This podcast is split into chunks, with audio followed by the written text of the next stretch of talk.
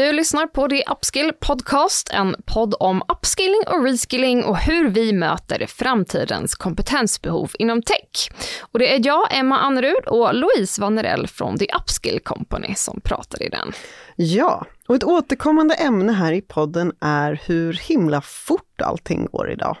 Och därför ska vi den här gången prata lite extra om vad man som organisation eller bolag behöver göra för att hänga med i den här snabba förändringen. Och kanske framför allt om hur man skapar en företagskultur som engagerar medarbetarna att vara en del av den här förändringen.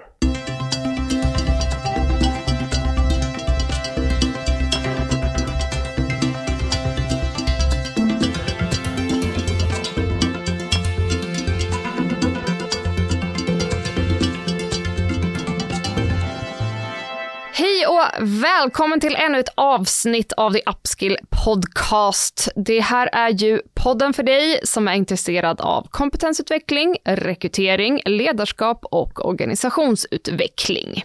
Och vi har en fantastisk höst framför oss här med intressanta gäster och aktuella ämnen. Så följ oss gärna så att du inte missar någonting.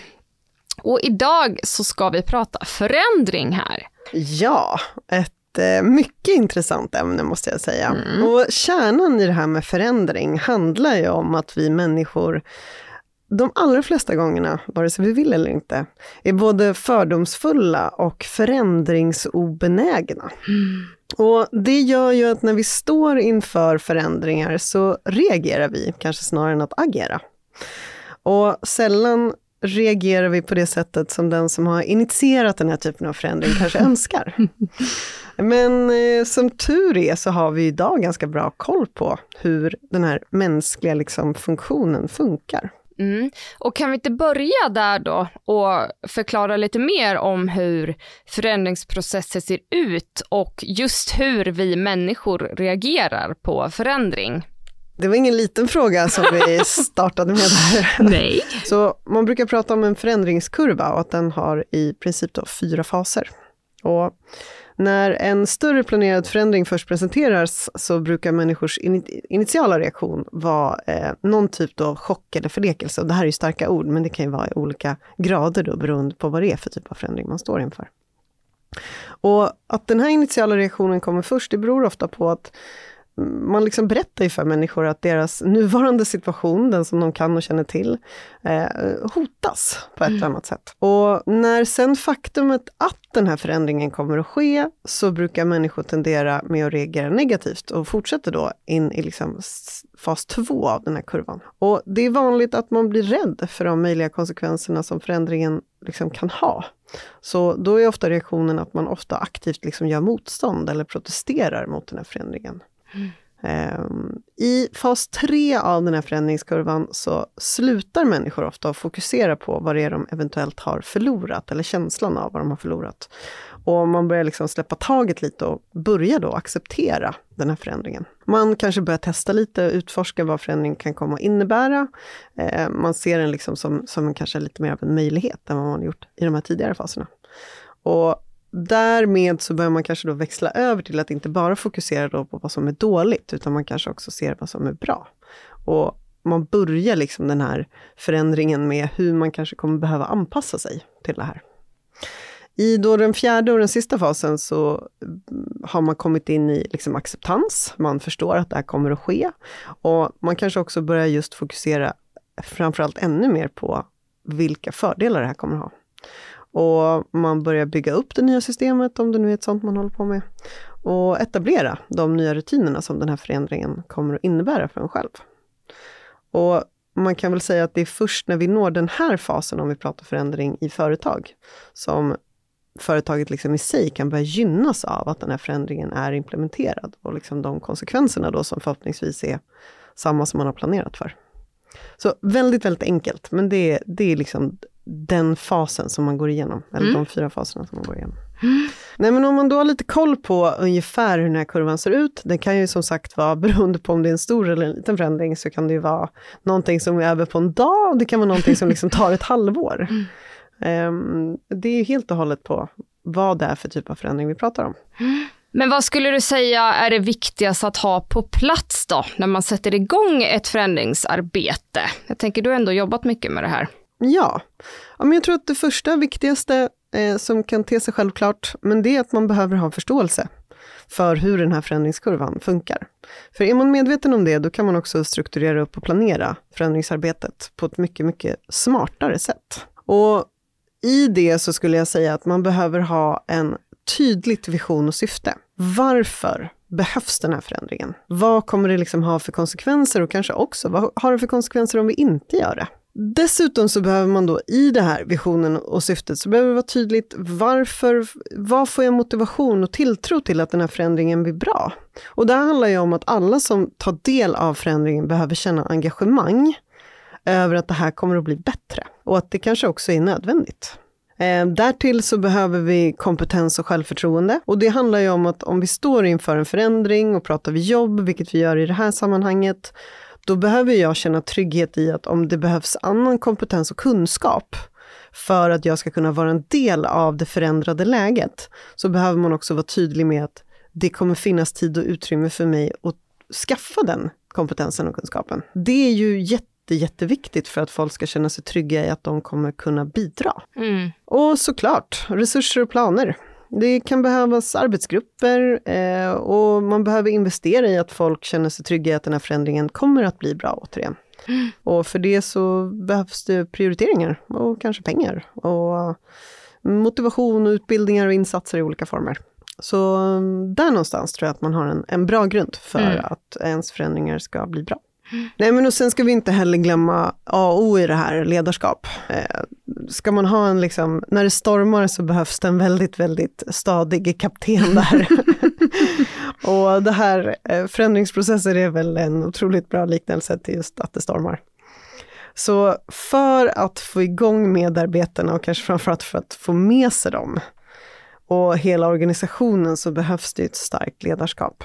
Och i det som jag tycker att vi nämner i, ja men det handlar ju ofta om förändringskoncept, men man behöver vara en förebild och leva som man lär. Och kunna liksom måla upp visioner som ger medarbetarna en tydlig bild av vad det är som ska ske och inte minst varför. Mm. Ge folk eh, information. Se till att de får vara med och liksom att de får känna att de också får ta, ta beslut och ha förståelse för varför någonting sker. Mm. Där måste man liksom kunna lita på sina anställdas omdömen. Annars mm. har man ju kanske anställt fel folk. Nej, men och det är väl någonting som jag tycker ofta glöms bort. Att liksom, just som du säger, involvera medarbetarna i den här processen. För jag menar, ofta så är det ju personalen som kanske har bäst insikt i vad det är som behöver förändras. Mm. Ja, och det spelar ju tillbaka då till, till ledarskapet, att förstå att folk har olika ingångar till förändringar. Eh, man kommer liksom beroende på vem man är, vad man kanske har för erfarenheter, bra eller dåliga. Att ta sig igenom de här olika stegen av förändringsprocessen olika snabbt. Eh, var lyhörd. Mm. Eh, det tror jag är otroligt viktigt. Mm. Och apropå det du sa nyss då om att få med sig medarbetarna, så måste ju jag som jobbar med kommunikation få flika in vikten av det här också. Eh, för som du sa så behövs ju tydlig information om varför den här förändringen sker. Om bakgrunden, syftet, målet, alltså vad det är man vill uppnå. Och sen behöver man ju vara extremt lyhörd och uppmärksam på vad det är folk har för frågor och liksom ja, men agera utifrån det, anpassa sin kommunikation utifrån det. Eh, man behöver vara transparent och tydlig under hela den här processens gång. Så man behöver ta fram en tydlig kommunikationsplan för hur man kommunicerar genom då hela den här förändringsprocessen med betoning på hela. För man plötsligt slutar kommunicera och informera så kommer det att börja viskas en massa, folk kommer börja undra vad det är som egentligen händer. Så ja, men kommunikation extremt viktigt och eh, inget som det bör snålas på i ett sånt här läge. Man brukar också säga att eh, när man tror att man har kommunicerat ut ett budskap så ska man upprepa det minst fyra, fem gånger till apropå inte vara snål då. Det är en sjukt viktig poäng faktiskt. Ja, mm. och sen är ju timing av information en viktig del. Eh, du var inne på det här med de olika faserna eh, och då gäller det ju att anpassa sig efter var man befinner sig i vilken av de här faserna man är i. Eh, det får liksom inte bli någon information overload då allt liksom kommer på en och samma gång. Eh, då kommer ju bara massa av den här informationen att försvinna ut i mängden. Verkligen. Och jag vill bara förtydliga en sak där på de här förändringsfaserna. Att när du säger att timing av information är en viktig del, ehm, så är det ju verkligen viktigt att den som kommunicerar anpassar sig efter var, inte vad den själv är, utan vad de här andra som påverkas mm. av förändringen är. För ett vanligt fel som jag ser är att den, eller då den del av organisationen som planerar och har bestämt hur den här förändringen ska se ut, de är ofta två eller tre steg längre fram, eller kanske alla steg längre fram i den här förändringskurvan. Och då är det väldigt lätt att man kommunicerar utifrån den positionen man är i själv. Mm. Så är du då i fas 3 och pratar om hur positivt och bra allting det här kommer bli och du känner att det är skitkul. Men du pratar med dem som är jätteoroliga och som är i fas 1, som mm. inte ens vill acceptera att den här liksom förändringen kommer att ske. Mm. Då blir det ju uppenbarligen dålig kommunikation. Så som alltid, eh, rätt budskap till rätt målgrupp vid rätt tillfälle.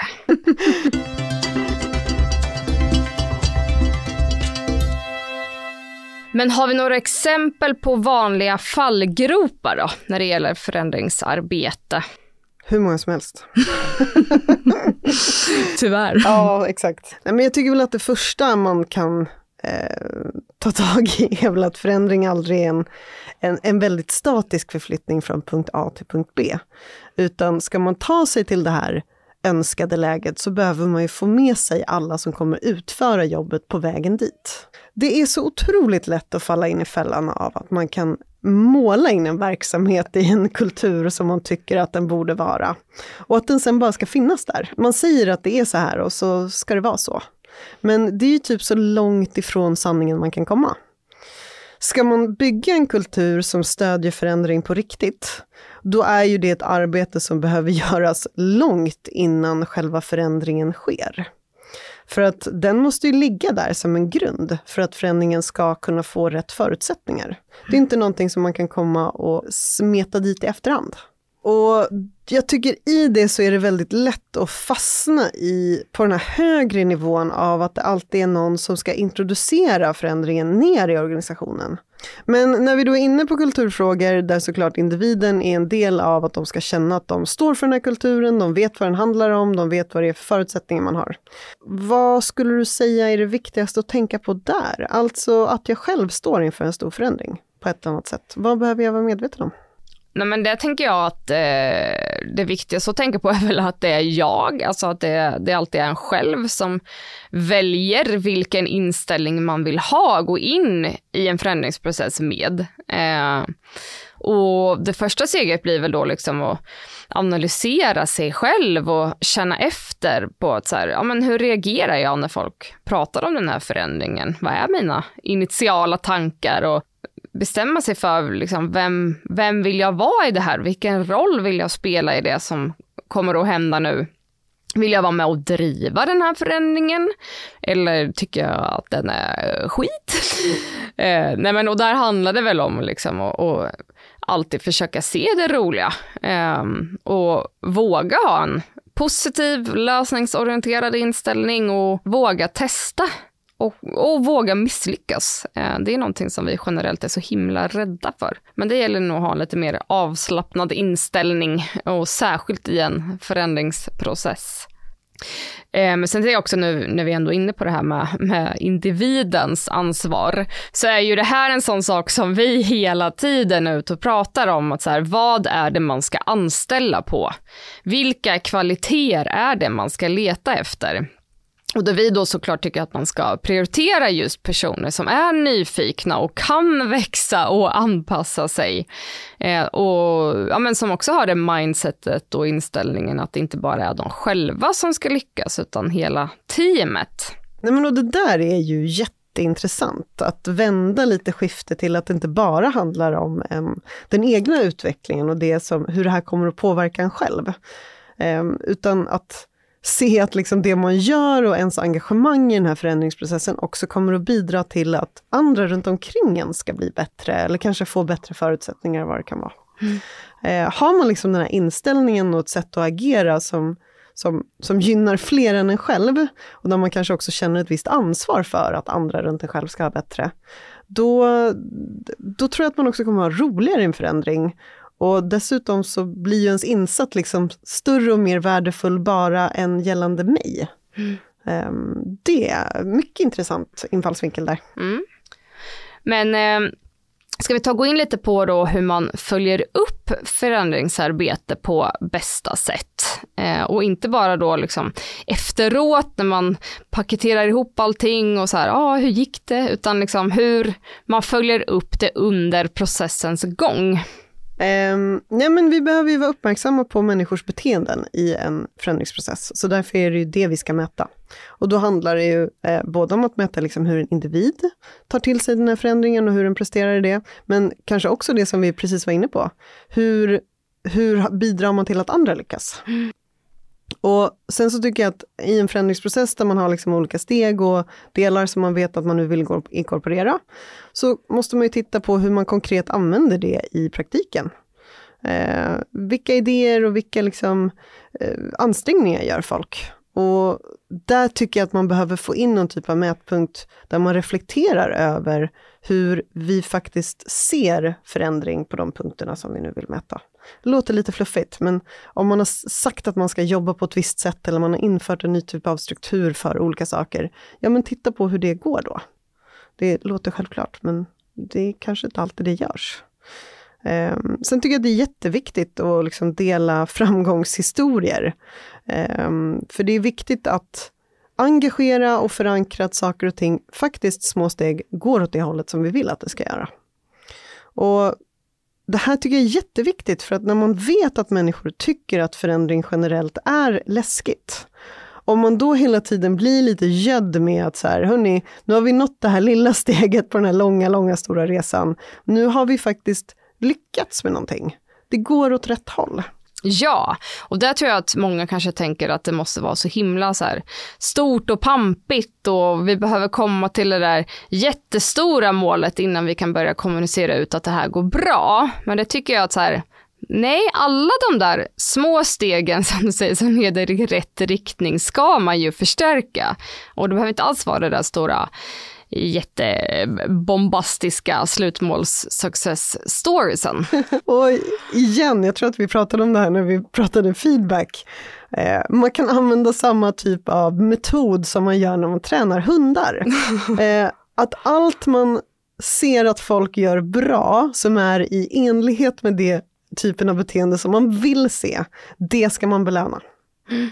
Eh, det handlar hela tiden om att förstärka att de här beteendena vill ni att ni ska liksom gå igång på, det här vill vi att ni ska fortsätta göra. Uppmärksamma varje liten sak som är ett litet steg på rätt väg. Och här har vi ju det här liksom hur man bygger kultur. För det är inte att fira liksom slutmålet, utan det är att fira alla små steg till hur vi tar oss dit. Mm. Och där kan det vara bra, eh, jag vet att Microsoft eh, jobbar så att de alltid utser liksom några till role models, någon slags liksom ambassadörer i sitt förändringsarbete. Alltså några som liksom visar vägen och är förebilder. Eh, så det kan ju vara en ganska smart grej att utse några till. Mm, verkligen. Och sno. Mm. Nej men och såklart, sen behöver man ju mäta framgångarna på olika sätt som man gör. Och det beror ju helt och hållet på vad det är för förändring och vad det är för organisation, så där behöver man hitta sina egna mätpunkter. Men i huvudsak så handlar det om att man behöver ju mäta någon typ av business impact. Den här, börjar förändringen att ge effekt? Och är effekten den som vi hade önskat? Mm. Eh, och igen, det gäller att inte bara mäta de här sakerna när förändringen är i hamn, eller projektet är i hamn. För då går det inte att göra någonting åt det. Utan Eh, nyckeln här är att följa upp och mäta det man gör under tiden. För om det då inte, om det inte tydligt pekar på att förändringen är som vi har önskat, ja men då gäller det att skruva på det. Och det, liksom, för att vara, en transformation är ju i stora delar en agil process. Ehm, så det gäller att hela tiden titta på vad man gör. Kolla att det vi gör är rätt och om det inte är det, justera. Just det här med mätpunkterna tycker jag är så himla intressant. Eh, det skulle man ju vilja prata mycket mer om och gå in mycket djupare på. Eh, men det börjar bli lite läge att runda av här. Så jag tänker att jag kan avsluta med att sammanfatta lite grann det vi har sagt här superkort. Och då är det att som start så bör man ha koll på de här grundläggande faserna som vi alla på ett eller annat sätt genomgår när det kommer till förändring. Vi måste vara tydliga och transparenta i vår kommunikation, planera vår kommunikation. Vi måste hela tiden mäta och följa upp eh, resultat och motivera genom både success stories och kanske sådana här role models, vilka framsteg som faktiskt görs i den här långa transformationen som man är i och kulturen och ledarskapet. Se till att arbeta på dem innan. Eh, se till att ha dem på plats innan man börjar rodda om och stöka till och ge sig ut och förändra. För då kommer ju liksom kulturen och ledarskapet vara en grund som man faktiskt kan basera den här förändringsprocessen på. Som alltid, ha ett bra och tydligt ledarskap, kommunicera rätt och ofta. Famous last words. Mm, exakt. tack för idag. Tack, tack.